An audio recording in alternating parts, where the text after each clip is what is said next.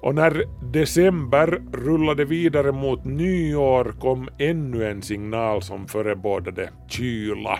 En plötslig stratosfärisk uppvärmning var på gång ovanför Sibirien.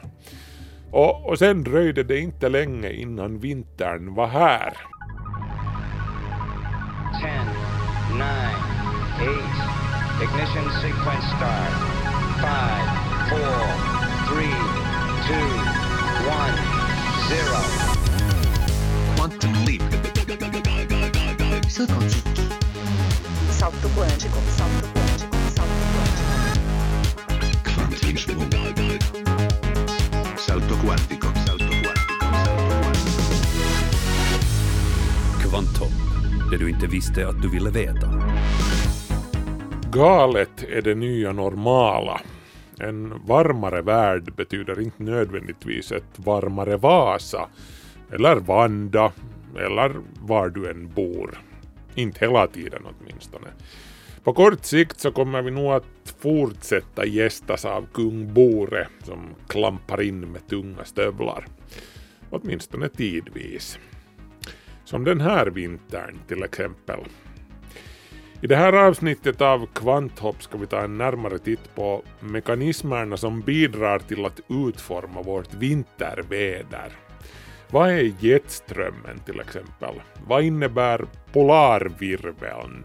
Den där karusellen av kall arktisk luft som snurrar ovanför Nordpolen. Och varför borde jag bry mig överhuvudtaget?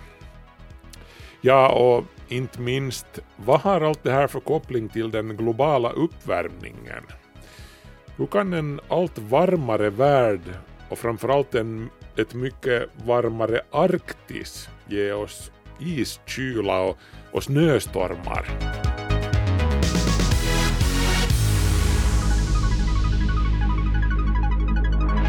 Jag heter Markus Rosenlund. Klä på er varmt och sitt ner. Ta något varmt att dricka. Nu kör vi. Tänk hur olika två år kan vara. Vintern 2019 till 20 tror jag att jag inte använde vare sig snöskoveln eller långkalsongerna en enda gång. Faktum är att det eh, strikt taget inte var någon vinter 2019 till 20. Inte här i södra Finland åtminstone. Då talar jag om den termiska vintern, det här då dygnets medeltemperatur sjunker under nollstrecket och hålls där i minst fem dygn i sträck. Det gjorde den aldrig här som jag bor under fjolårets vinter.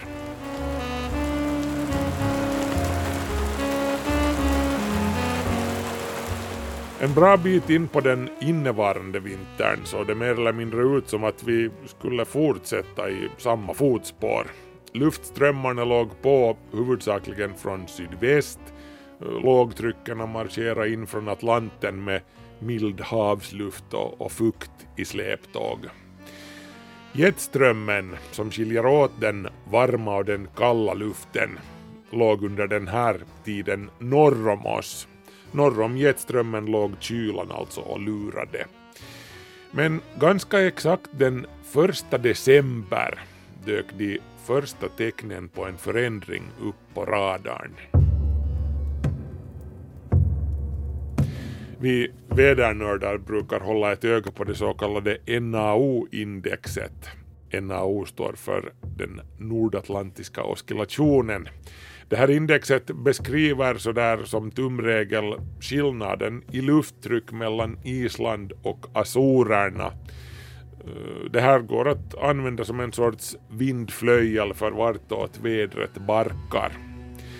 Positivt NAO betyder som regel stark lågtrycksaktivitet på norra Atlanten och starkt högtryck över Azorerna och milda, fuktiga atlantvindar upp över oss. Negativt NAO i sin tur innebär högre lufttryck på norra Atlanten med risk för blockeringar. Stora feta högtryck som stoppar mildluften västerifrån. På vintern innebär det här ofta ostliga vindar med sibirisk kyla och snö här i norra Europa.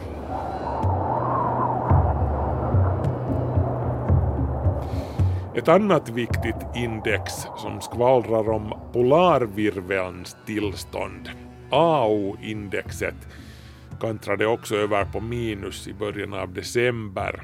Prognosmakarna på bägge sidor av Atlanten började snabbt rucka sina långtidsutsikter mot det kallare hållet.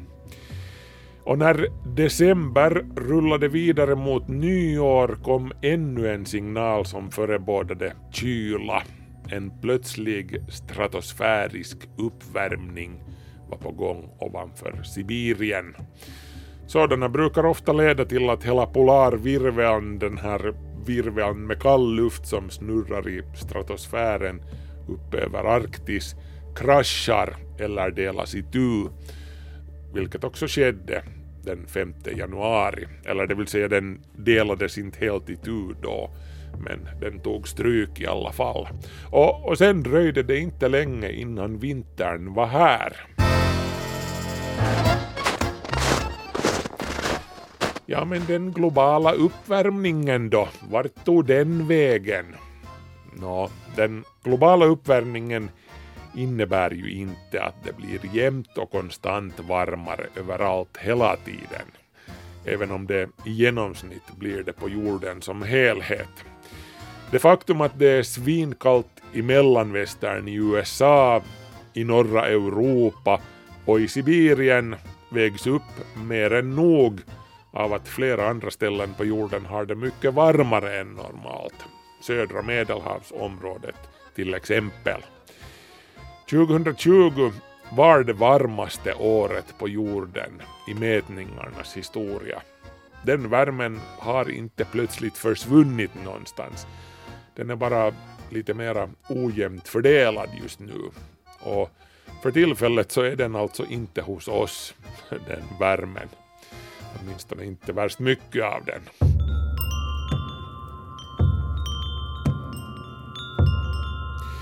Låt oss alltså titta lite närmare på varför vi har en sån varja vinter just nu. Och svaret hittar vi uppe över Arktis, uppe i stratosfären ovanför den norra polarkalotten finns som sagt det här som vi kallar polarvirveln. Man kan säga att polarvirveln är liksom en karusell av kall arktisk luft. Ett enormt lågtryckssystem som i normala fall snurrar moturs upp över den norra polarkalotten. Eller faktum är att det finns två sådana karuseller där uppe ovanpå varandra. Den första, den undre av de här två karusellerna, kallas också för Polarfront-jetströmmen, eller bara jetströmmen bland kompisar. Eh, den är en snabb luftström ungefär ovanför den 60 breddgraden, här som vi bor, ungefär. Den kilar från väst till öst på 11 kilometers höjd snabbt. Jetplanen utnyttjar det här när de flyger från USA till Europa till exempel. De liftar med jetströmmen och sparar bränsle på det viset. Jetströmmen snurrar året om i motsats då till polarvirveln som vi kommer till om en stund. Det är jetströmmen som ger upphov till och styr låg och högtrycken som ger oss vårt väder här i norr. Den utgör också gränsen mellan den sydliga varma luften och den nordliga arktiska och kyliga luften. Vissa år håller sig jetströmmen mera som regel söder om oss och då blir somrarna kyliga och regniga och, och vintrarna kalla, sådär som tumregel. Andra år löper jetströmmen norr om oss, som i fjol vintras till exempel, då har vi mildväder som dominerar. Jetströmmen är inte en helt och hållet rund karusell. Den slingrar och vrider sig fram och tillbaka, upp och ner, som en enorm flod av luft med sina krökar och krumbukter, eller som en drucken orm. Och ovanför den här karusellen, ovanpå den faktiskt, finns som sagt en annan karusell uppe i stratosfären. Den så kallade stratosfäriska polarvirveln. Den uppstår bara under vintermånaderna och till skillnad från jetströmmen som slingrar sig under den är den rätt så cirkelformad. Och de två strömmarna, de, de två karusellerna, de påverkar varandra. Störningar i den ena leder till störningar i den andra och vi märker snart av det i form av störningar i vädret.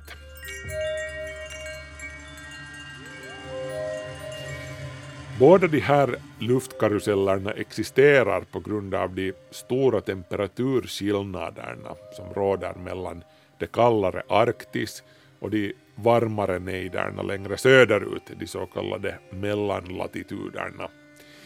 Men, och det är nu som den globala uppvärmningen kommer in i bilden, de här temperaturskillnaderna som ser till att hålla jetströmmen snurrande, de har minskat på sistone. Och det har, som vi ska se, potentiella följder för både polarvirveln och jetströmmen och därmed också för vårt vinterväder.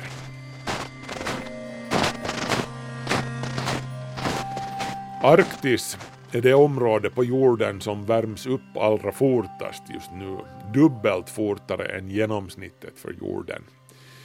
Utvecklingen påskyndas av att den arktiska havsisen krymper snabbt och ett isfritt hav suger ju i sig solens strålar mycket effektivare än ett hav som är täckt av is.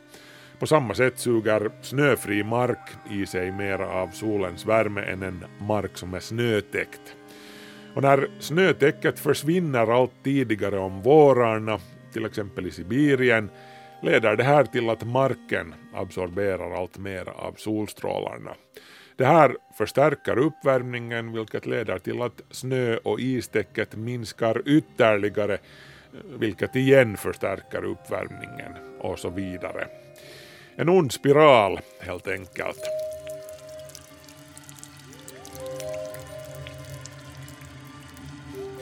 När Arktis värms upp fortare än områdena längre söderut, då minskar som sagt temperaturskillnaderna och, och skillnaderna i lufttryck mellan nord och syd. Och då minskar också den pådrivande kraften för själva jetströmmen som börjar ringla och ragla ännu mer än förut. När jetströmmen ringlar sig extra mycket, när strömmens vågor och pisksnärtar blir tillräckligt kraftiga, då fortplantar sig den här energin från vågorna uppåt i, i atmosfären tills de når polarvirveln, den där andra vindkarusellen uppe i stratosfären. Eventuellt med destruktiva följder för den karusellens del.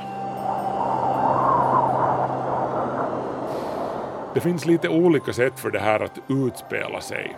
Hela karusellen kan krascha fullständigt och byta riktning eller så kan den spjälkas itu till två mindre karuseller. Eller så förskjuts hela karusellen åt något håll så som nu har skett till exempel. Polarvirveln har i skrivande stund knuffats mot sydväst över norra Atlanten.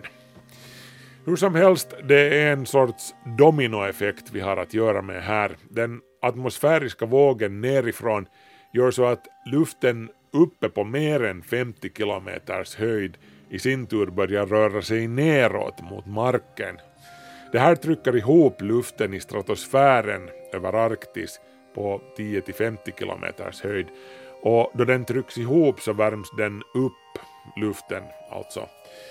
Temperaturen i stratosfären kan stiga med 50 grader Celsius från 80 till 30 minusgrader inom bara några timmar. Med andra ord, vi snackar om en plötslig stratosfärisk uppvärmning, så som skedde nu kring årsskiftet. Plötsliga stratosfäriska uppvärmningar är inte helt ovanliga direkt. De, de sker ungefär sex gånger på tio år, men årets uppvärmning var ovanligt kraftig. Och det ser dessutom ut att vara en uppvärmning till på lut ovanför Sibirien inom de närmaste veckorna. Eh, prognoserna är lite luddiga på den här punkten ännu men flera uppvärmningar under ett och samma år, det är definitivt ovanligt. I vilket fall som helst, det här får dramatiska följder för polarvirveln, eh, den övre luftkarusellen alltså.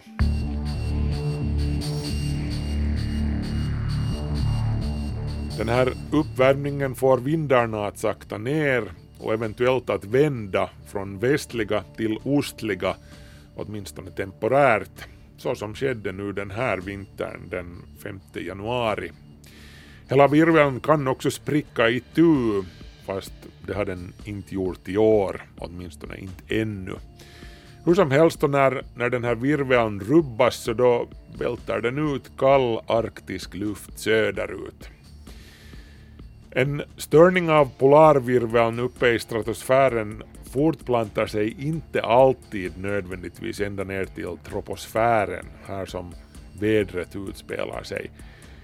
Och gör den det så kommer busvädret ofta med ett par veckors fördröjning. Nu i år tycks störningen definitivt vara ett faktum också här på marknivå.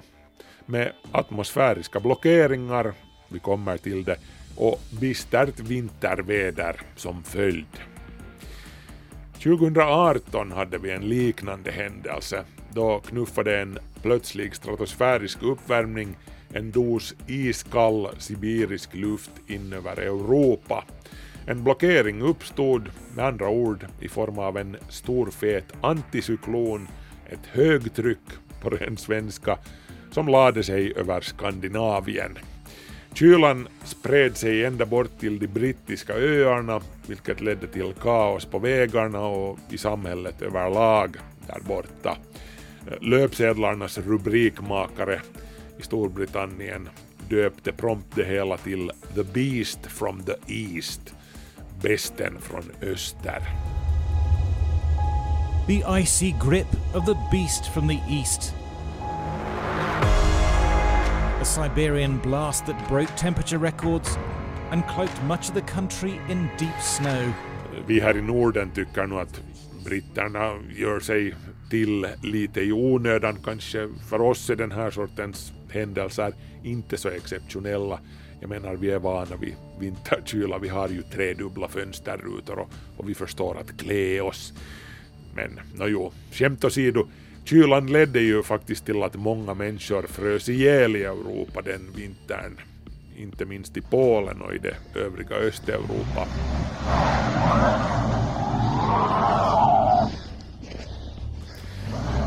Det där som britterna kallar “the beast from the east” går i USA under namnet Polar Vortex, helt enkelt. Det är nu i princip samma sak. En störning i polarvirveln som sänder iväg en cell av kall luft som spinner ner över norra Amerika och lägger sig där. It's just one of the countless ways the frigid polar vortex is crippling more than half the nation. If you can stay in today, stay in all day today. USAs östkust drabbas då ofta av kraftiga snöstormar när den kalla inlandsluften krockar med fuktig luft från Atlanten. Exakt var den här polar vortexen eller besten från öster blir liggande eh, beror sen på den där andra karusellen, den undre, jetströmmen, eller närmare bestämt den norra polarfrontjetströmmen.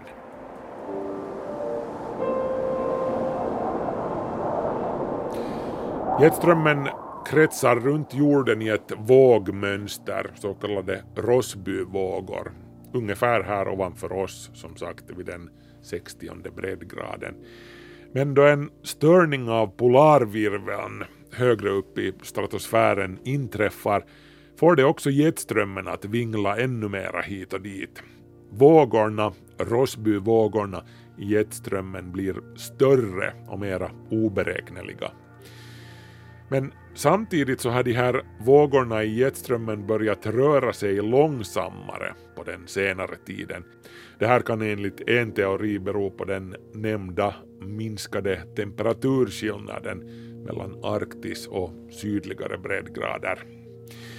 När Rossbyvågorna, alltså de här vågorna i jetströmmen, växer sig tillräckligt stora, då bildas det lågtryckssystem i de här veckorna.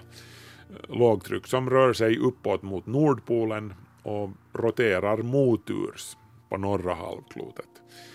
På samma sätt så kan kall luft bilda högtryckssystem som rör sig mot ekvatorn och roterar medurs här på norra halvklotet. Och de här systemen präglar alltså sedan vädret på mellanlatituderna, till exempel här i Europa där de i normala fall orsakar häftiga väderomslag an eftersom Rossbyvågorna rör på sig. Jag säger i normala fall för som sagt i, i takt med att temperaturskillnaderna mellan Arktis och mellanlatituderna har minskat har Rossbyvågorna i jetströmmen blivit långsammare. En våg kan bli liggande i långa tider och då gäller tumregeln att vilket väder som än anländer med det här väcket blir också kvar längre och det blir mera av det goda, mera nederbörd eller mera hetta till exempel.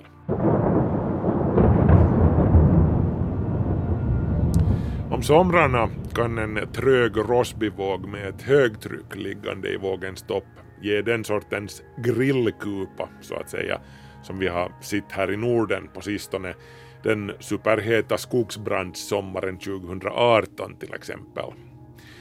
Blir vi däremot liggande i en vågdal med jetströmmen där nere, söder om oss, så då kan det bildas ett tråg med lågtryck som får sommaren att regna bort.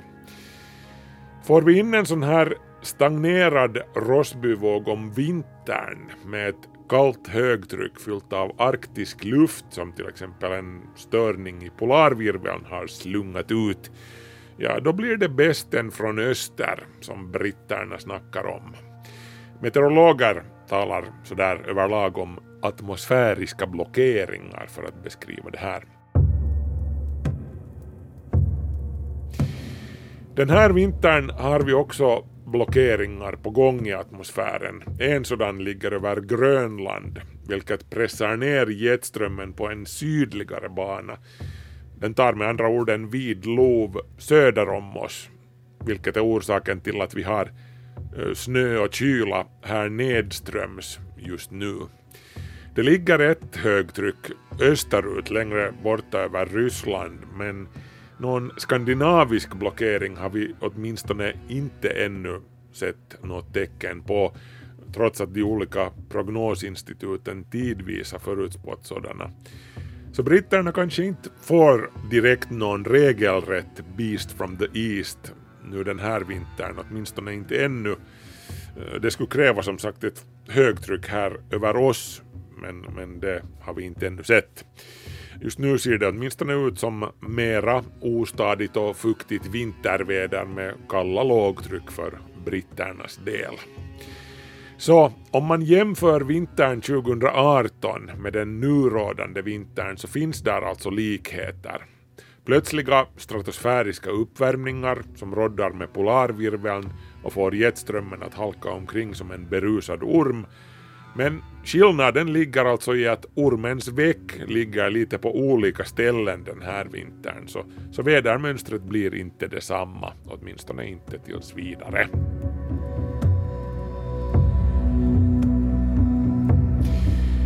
Det finns lite olika teorier om exakt vilka störningar nerifrån det är som rubbar polarvirveln och, och orsakar allt strul med vädret. Enligt en färsk studie publicerad i Nature Climate Change skulle polarvirveln nu i år ha tagit stryk på grund av att det är ovanligt mycket snö i Sibirien. Normalt är Sibirien väldigt kallt men ganska torrt så här års.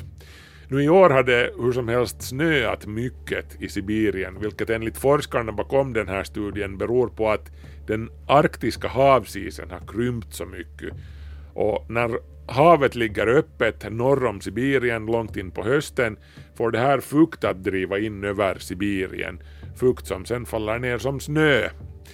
Snön i sin tur reflekterar ut mera värme i rymden, vilket påverkar vindmönstren över Eurasien och i förlängningen skulle det här alltså sen rodda med jetströmmen och det i sin tur knockar ut polarvirveln.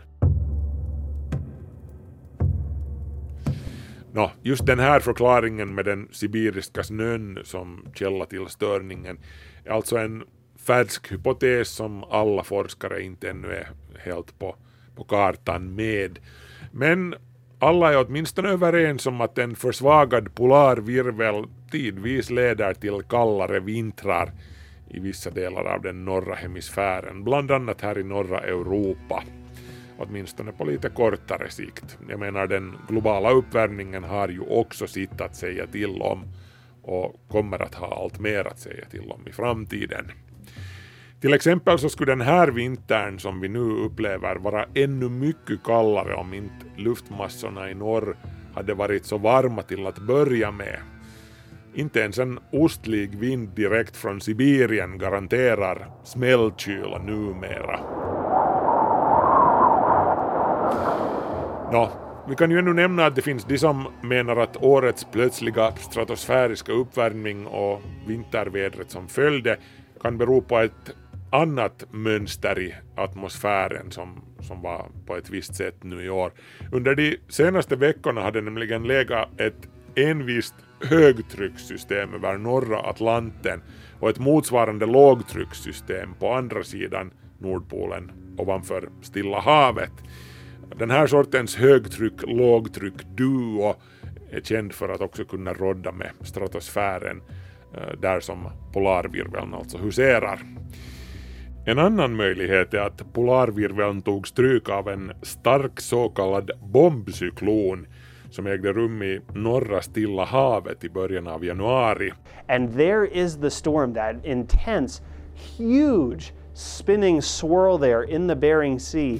Det låter dramatiskt det här men tja, en bombcyklon är alltså en vinterstorm som bildas abrupt och, och når orkanstyrka till och med.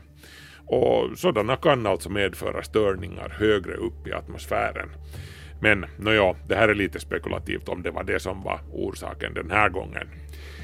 Det är hur som helst tämligen klart att den avancerande globala uppvärmningen med Arktis som går i täten för temperaturstegringen ökar på risken för störningar i atmosfären i framtiden. Var alltså förberedd på mera knasigt väder under kommande år. Och vargavintrarna är det inte helt och hållet slut på faktiskt även om sannolikheten för milda, regniga vintrar ökar på längre sikt här hos oss.